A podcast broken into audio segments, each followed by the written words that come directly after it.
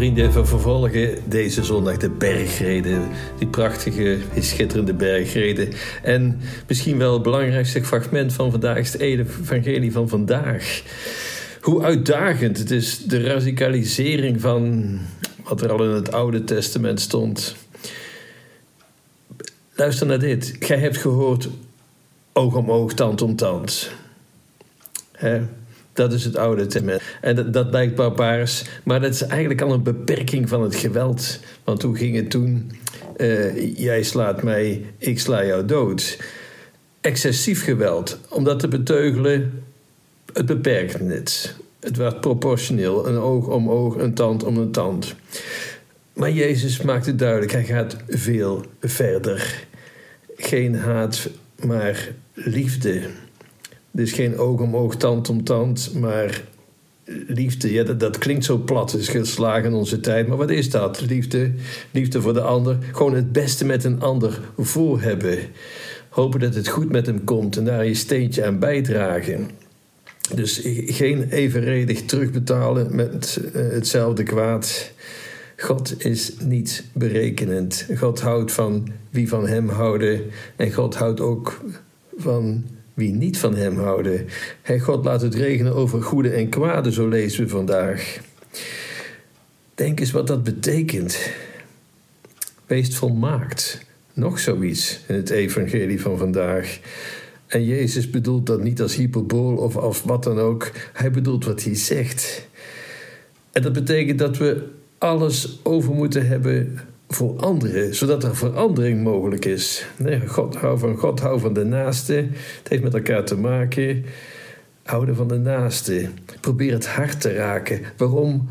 Om hem zo te proberen te veranderen, oog om oog. Dat verandert niets aan de situatie. Bemint uw vijanden.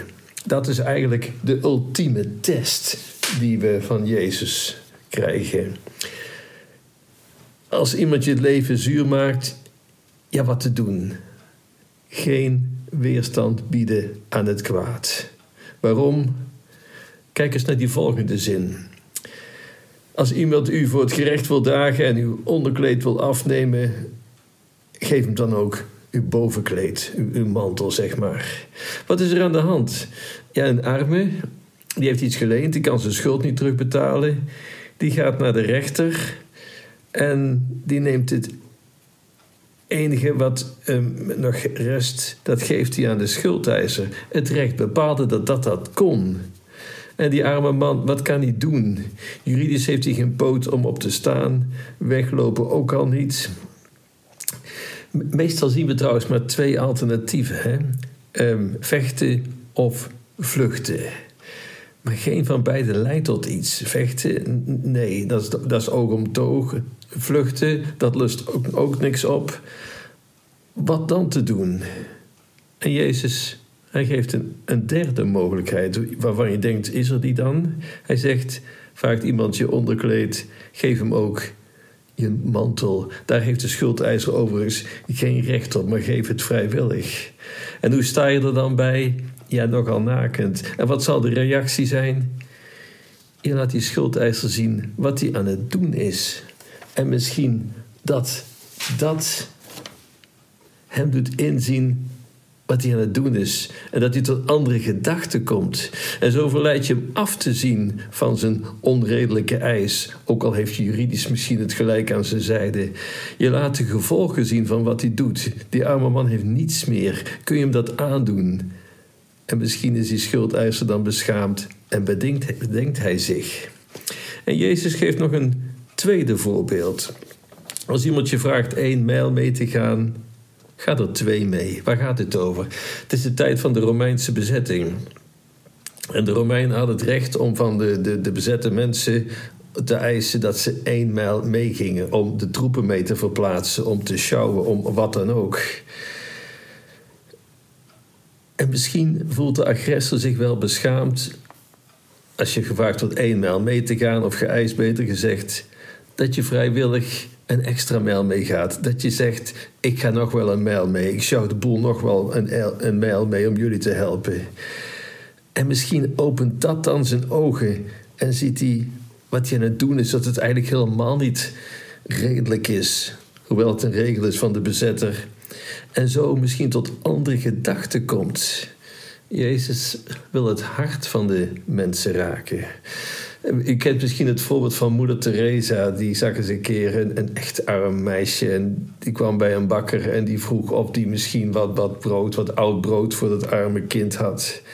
En wat doet die bakker? Die spuugt moeder Teresa in het gezicht. En wat, hoe antwoordt moeder Teresa? Nee, niet met geweld. En laat zich ook niet behandelen als een voetveeg. Ze zegt: Dank u voor deze gave voor mij. Misschien hebt u nu nog wat voor dat kind. En dat deed de ogen openen van die bakker. Toen voelde hij zich beschaamd en toen besefte hij pas wat hij gedaan had. En dat is wat Jezus wil laten zien. Is dat gemakkelijk? Nee, bepaald niet. Het zal ik niet altijd goed uitpakken, ook dat nog. Maar oog om oog, tand om tand, ook niet. Wees volmaakt, streef naar heiligheid. Het beste voorbeeld is eigenlijk nog, nog Jezus aan het kruis. Geen vervloekingen, maar nederigheid, zachtmoedigheid, zelfs vergeving vragend voor zijn beulen. De honderd man die daarbij stond, die heel wat executies heeft meegemaakt, die heel wat over zich heen heeft gekregen, die zag het, die hoorde het en die besefte: deze man is waarlijk Gods zoon. En reken maar dat het een andere mens was geworden, deze honderd man.